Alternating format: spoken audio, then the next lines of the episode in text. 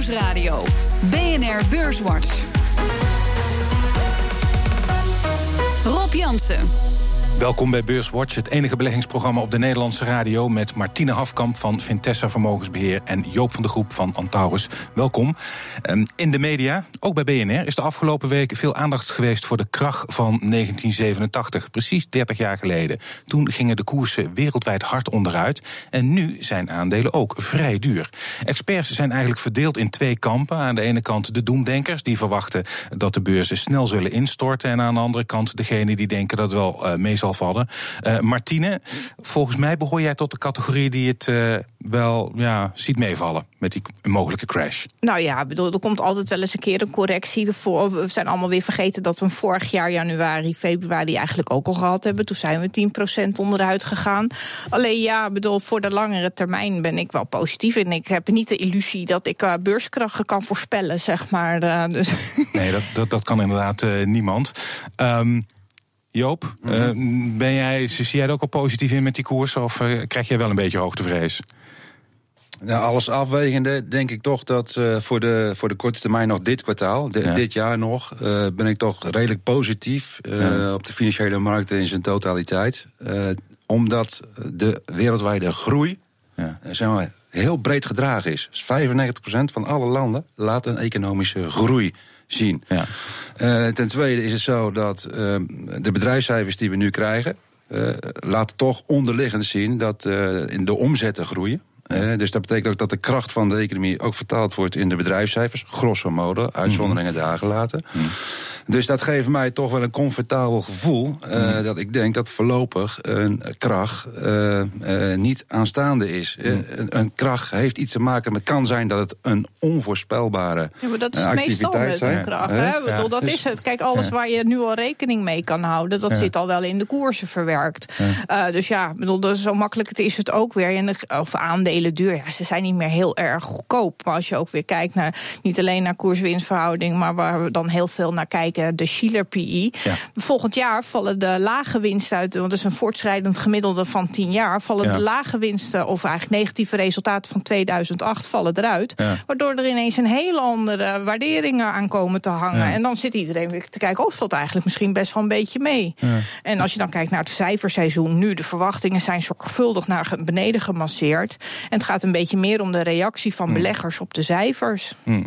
Ja. aan de andere kant, je ziet dat de groei ook wel gepaard gaat met ook een enorme ontwikkeling van uh, de schuldenberg. Hè. Dus uh, het schuldenniveau ligt ook weer op het niveau van voor de crisis.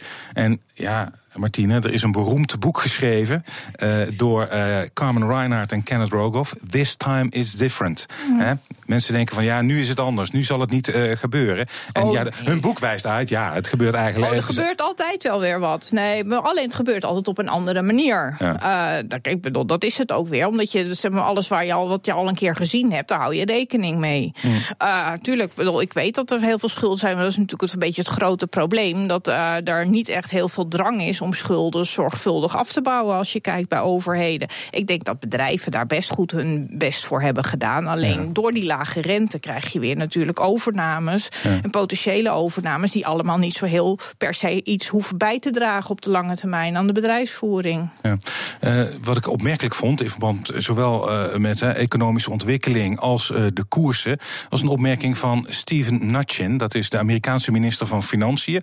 Die waarschuwde voor een correctie tenminste zei hij, als de belastinghervormingen van Trump niet worden overgenomen. Die impuls die dat geeft, dat belastingplan, uh, die zijn ingeprijsd in de hoge koersen op Wall Street. En als het plan sneuvelt, dan dalen uh, de koersen. Joop, heeft hij een punt? Uh, nou, ik, ik, denk dat dat heel beperkt is. Als je kijkt naar de conference calls en de outlook die bedrijven op dit moment naar buiten brengen, is er geen één CEO die rept over de belastinghervorming van de Amerikanen. Hmm. Uh, dus uh, er is daar wat dat betreft volgens mij ook helemaal niks ingeprijsd. Dus ik, ik, ik vermoed dat de invloed van belastingverlagingen dat dat eenmalig is en dat het marginaal zal zijn op de koersvorming. Ik heb het idee dat het veel meer een politiek gekleurde uitspraak is om het congres in Amerika onder druk te zetten. Ja, en aan de, aan de andere kant, hè, als nou dat plan wordt goedgekeurd, het, de truc van nudgen die werkt, dan krijgt hoe dan ook die economie een impuls. Terwijl het, denk ik, kunnen we stellen dat het best redelijk goed gaat met de economie, toch? Ja, ja. ja. is dat dan niet olie op het vuur? Moet je dat dus eigenlijk misschien beter niet doen? Want hij draait al zo nou, goed. Volgens mij valt het uiteindelijk, als dat belastingplan er helemaal door zou komen, valt het ook wel weer een beetje mee met hoe erg die, hoe fors die belastingverlagingen dan zijn. Want het is meer zeg maar, lawaai wat er gemaakt wordt dan iets anders.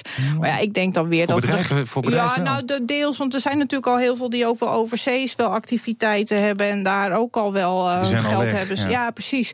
En uh, het, kijk, het idee is natuurlijk dat misschien dat geld een beetje terugkomt. Maar ja, hmm. volgens mij is dat nog niet zo aanlokkelijk dat je dat dan gelijk gaat doen. Hmm. En ik denk juist dat ze zich verder moeten houden van uh, politiek. Dat die zich verder moeten houden van dit soort uitspraken. Want dan hmm. geven zij de illusie dat zij kunnen voorspellen hoe het gaat op een beurs. Nou, dat vind ik een heel slecht teken. Ja. En, en nog op net hè, over de eventuele kracht. Ja. Uh, uh, je leest bij, in diverse publicaties dat ze bang zijn voor wat de centrale banken gaan doen. Ja. Hè, dat ze gaan afbouwen. Ja. Nou, wat je nu ziet in, in dit verhaal ook uh, in Amerika, hè, de Fed die heeft een terugtrekkende beweging.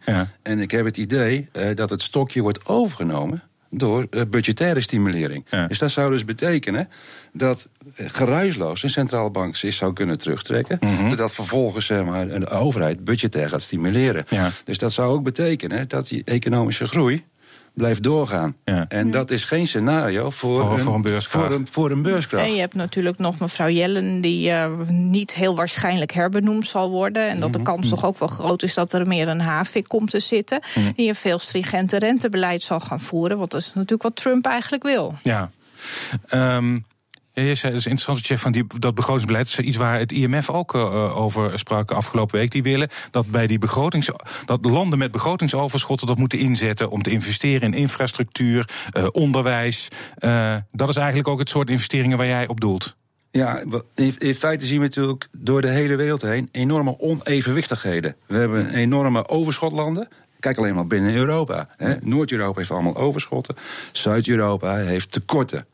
Nou, wat, om die uh, onevenwichtigheid uit het systeem te krijgen, zullen landen met overschotten moeten investeren. Hm. Dat is natuurlijk altijd een goed idee hè, om te investeren in je eigen toekomst. Dus hetzelfde wat bedrijven ook doen. Die, die worden beloond als uh, investeren in toekomstige omzet. Maar het lijkt erop alsof het IMF vindt dat ze nog te veel in de. nog, terug, nog te terughoudend erin zijn. Ja, bedoel, ja. dat is bijvoorbeeld. IMF moet daar ook natuurlijk iets van zeggen. Kijk, maar wij in Nederland bijvoorbeeld, wij zijn altijd heel goed in subsidies geven. Nog veel beter dan uh, investeren in infrastructuur. Nou, dan breng je eigenlijk het geld ook alleen maar weer weg. Dus je moet het ook wel op de goede manier doen. Anders is het een beetje dom, hè? Om een beetje met Maxima te spreken. We gaan naar het bedrijfsnieuws, jongens. KPN was vandaag in het nieuws. Uh, zij krijgen volgend jaar een uh, nieuwe topman. Uh, en dan heb ik het over Maximo Ibarra, een Colombiaans-Italiaanse manager. Ilko Blok die vindt het na twee termijnen wel mooi geweest. Martine, even terugkijkend op Ilko Blok. Hij is in 2011 aangetreden, april. Heeft hij het goed gedaan als topman? Nou, als je naar de beurskoers kijkt voor beleggers, niet zo, denk ik. Ik denk dat hij wel heel veel heeft geherstructureerd. Hij had natuurlijk ook niet echt een supermooi bedrijf om, uh, om het stokje van over te nemen. Het was hm. natuurlijk redelijk uitgehold. Uh, maar ja, ik bedoel, hij was falikant tegen overnames. Uh, ik weet nog me te herinneren in een recent verleden dat er een overnamebod lag van 8 euro, wat afgewezen is. Nou, we zijn nog nooit meer in de buurt van die 8 euro geweest cruciale fout geweest, eh, Joop, om dat niet te accepteren, dat bod? Ja, er speelden ook nog wat andere dingen. Ja, politiek. Ja, politiek. Henk, eh, Henk Kampen heeft natuurlijk best wel een hoop eh, betekend in het beschermen van, van onze eigen multinationals. Dus de PostNL heb je het ook gezien. Ja. nu met AXO heeft zich mee bemoeid. ook bij KPN heeft hij een, gedreigd hè, dat hij dus zou blokkeren het hele gebeuren. Dus nou ja, vervolgens heeft dus Elke Blok is eigenlijk uh, teruggekropen in zijn holletje, zeg maar even. Mm. Uh, en die is dus gewoon in Nederland heeft hij dat wat, wat de basis is van KPN. Moet ik wel zeggen dat hij die basis enorm stevig heeft gemaakt. Uh, door in Nederland enorm te investeren in, een, in een glasvezel en noem maar op. Dus mm. die basis, dat mag, die eer mag hij wel geven, heeft natuurlijk een, een, goede basis neergezet van KPN om inderdaad verder de business uit te rollen. Ja, ja alleen Nederland is niet zo groot. Dat is dan weer een klein minor detailtje. Ja. en weet je wat ik dacht? Ze benoemen een, uh, een buitenlander, een buitenstaander. Wel, mhm. wel een man die bij Veon, ook een grote Russische uh, en dat telecombedrijf. en dat hij ervaring heeft met fusiebedrijven. Dat is dan ook misschien wel weer een teken aan de wand. Ja, zou het niet zo kunnen dat men in Europa toewerkt naar een paar grote telecomspelers... en dat deze man KPN moet voorbereiden? dat Mexico te ver weg is, maar dat het misschien wel met een andere Europese speler... Nelly in de tijd natuurlijk ook al wel aangegeven... dat ze maar plaats ziet voor een paar Europese spelers. dat lijkt me ook redelijk logisch, omdat je hier redelijk snel schaalvoordelen kan uh, bereiken. Ja, en dat beschermen, daar had je nooit die staatsbedrijven allemaal uh, op de publiek moeten maken. Ja, zo makkelijk is het. Ja, nee, ik kan wel constateren in ieder geval dat uh, minister Kamp, om daar nog even te komen, dat, die, dat dat niet echt een zegen is geweest voor beleggers. En dat het, Nou, hij zal het niet helemaal in zijn eentje hebben gedaan. Hij is wel de, de woordvoerder ervoor. Maar nou, nou ja, kijk naar AXO. Uh, bedoel, er staat veel hoger dan voor het overnamebod. Dus in die zin heeft hij er ook nog iets positiefs bijgedragen, als je dat zo wil zien. Maar ja, het is meer natuurlijk dat de topmannen die daar zitten, dat die dan met de verkeerde oogmerk er zitten. Zometeen praten we verder onder andere over uh, AXO en ook over Unilever die zijn boek opende. BNR Nieuwsradio. BNR Beurswatch. We gaan het hebben over de cijfers van Axo Nobel en Unilever. Dat doe ik met Martine Hafkamp van Vintessa Vermogensbeheer en Joop van de Groep van Antaurus. Maar eerst maken we de balans op van de afgelopen week. De AEX die sloot op 544,6 punten. Dat is 0,3 procent lager dan vorige week. Stijgers. De aandelen die het sterkst stegen in de AEX. Op nummer 1 ABN AMRO, een plus van 3,8 procent. En op nummer 2 Ahold Delhaize, plus 3,6 procent. Op nummer 3 Egon met een plus van 2,7 procent. En het midcap aandeel dat het best presteerde deze week was verzekeraar ASR met een plus van 5,6 procent. Dalers. De drie grootste dalers in de AEX op één Unilever met een min van 7,7 procent. Vopak uh, een min van 1,6 procent en Axo Nobel uh, ook een min van 1,6 procent. Uh, en in de midcap was de grootste daler deze week Sligro. Die verloor in een weektijd 6,7 procent van zijn waarde. En de AEX is deze week van de vijf handelsdagen hoger gesloten. Um, ja, ik doe dat altijd uh, in het tweede blok even praten over de ijs. Ik weet dat uh, jullie blik vaak ook breder is. Um, maar ik wil toch even stilstaan bij die uh, grote dalers. Want Unilever, Axel Nobel heeft ook ingeleverd... dat zijn wel wereldspelers op hun eigen terrein. Ze kwamen met cijfers. Ik wil even met Unilever beginnen. Um, ja, de ijsverkoop viel tegen, de omzetgroei onder eigen doelstelling. En dan is zo'n afstraffing van 7,7 procent.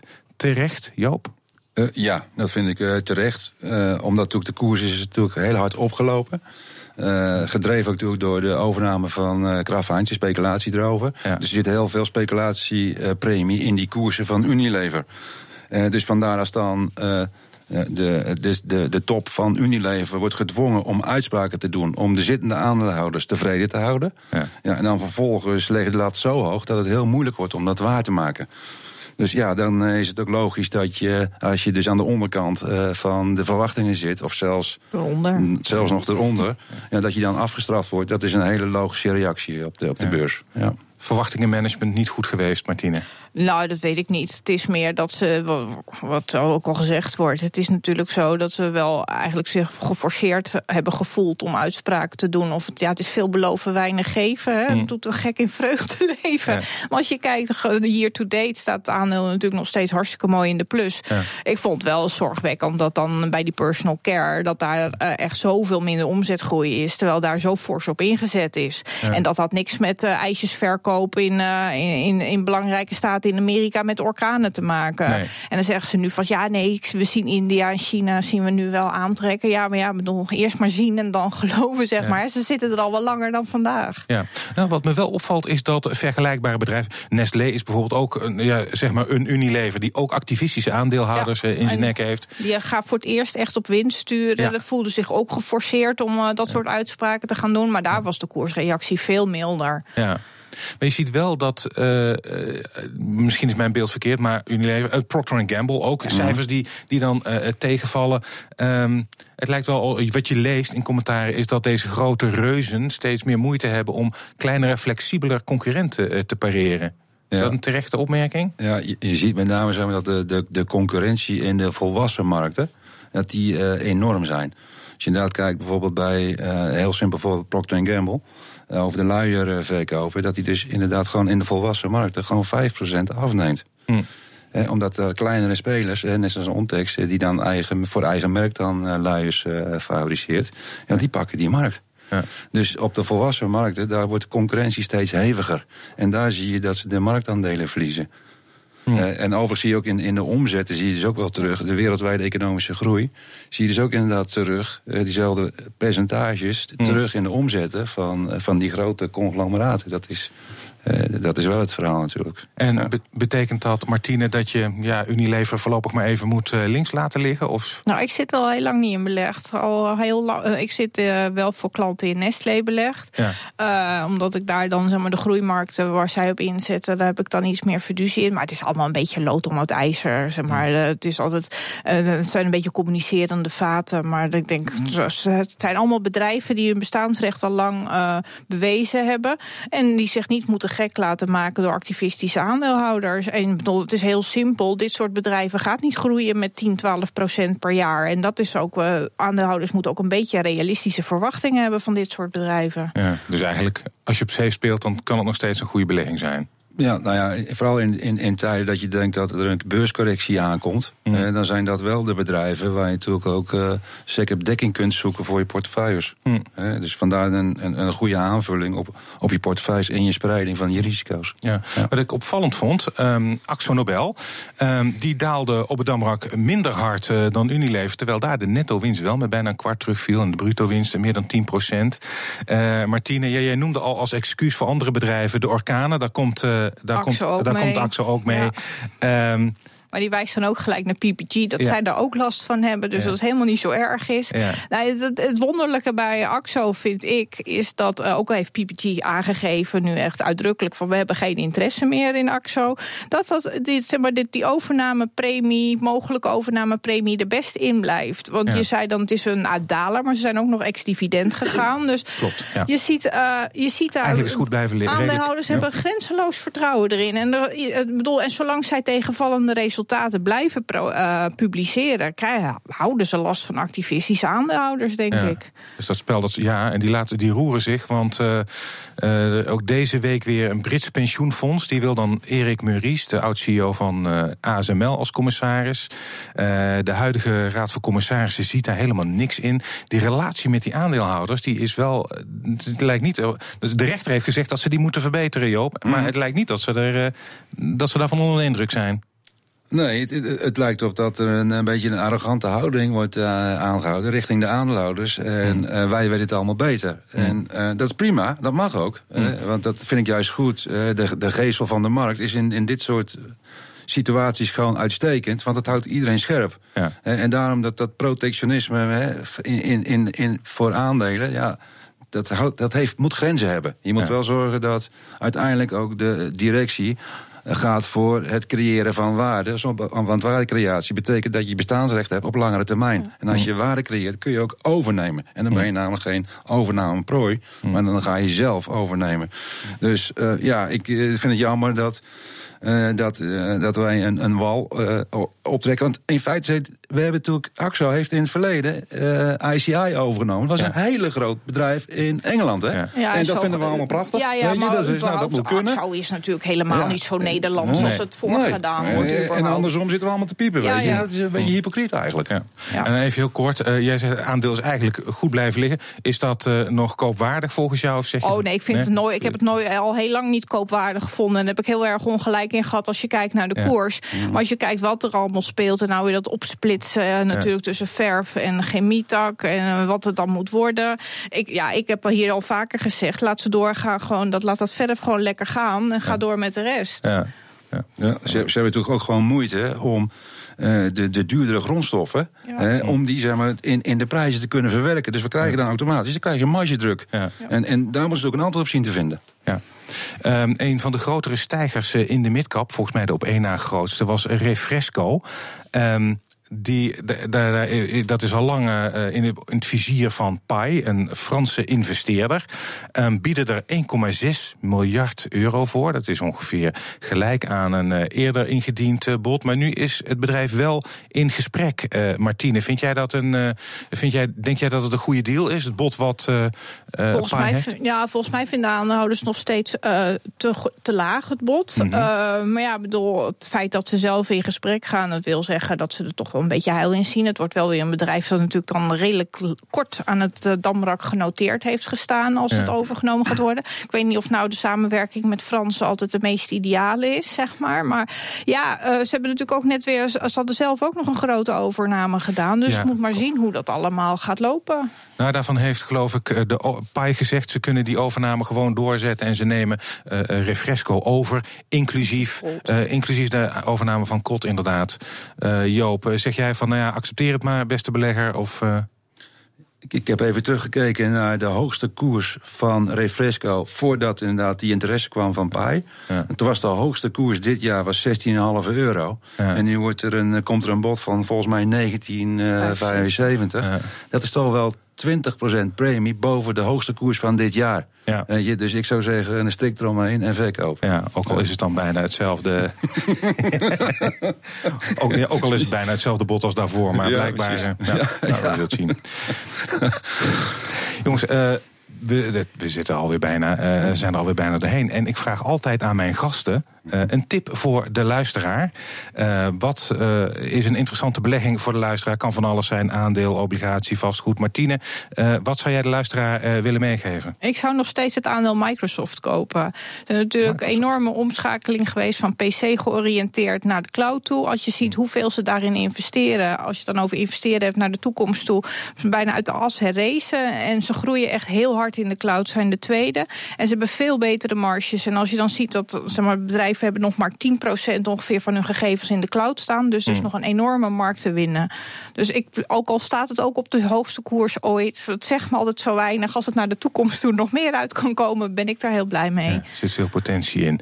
Uh, Joop, wat is jouw tip? Nou, het zit een beetje in de lijn van deze uitzending. Ja. He, begonnen van uh, stimuleren laat in de, in de cyclus. Ja. Uh, nou, als je kijkt naar laat in de economische cyclus, dan moet je een bouwbedrijf hebben. Ja. Nou, een van de grootste is uh, Lafarge Holcim. Ja. De Frans-Zwitserse combinatie. Ja. Uh, het is een van de grootste cementmakers, bouwers uh, van, van Europa. Laat cyclisch. Ehm, er is een nieuwe topman. Dat is Jennis. En die komt bij de Sika-groep vandaan. En die heeft vanaf 2012 heeft hij gezorgd voor een koersstijging van 225 procent. Ja. En die kerel is nu bij Lafarge Holcim eh, binnengekomen. Ze hebben wat problemen met, het, uh, met die fusie nog. Ja. Ik denk dat dat een goede man op de juiste plaats is. En dat hij ook uh, ja, denk ik, wel wat waarde gaat toevoegen aan deze combinatie.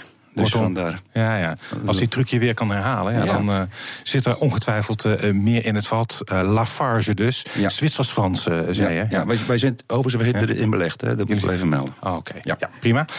Um, we zijn aan het einde gekomen van deze aflevering van Beurswatch. Ik dank mijn gasten van vandaag, Martine Afkamp van Vintessa Vermogensbeheer en Joop van de Groep van Antaurus. Volgende week is er natuurlijk weer een Beurswatch. Deze uitzending die kunt u naluisteren op de website van BNR of via de BNR-app. Heeft u nog vragen? Dan kunt u mailen naar beurswatch.bnr.nl of een tweet sturen naar Rob Dank voor het luisteren.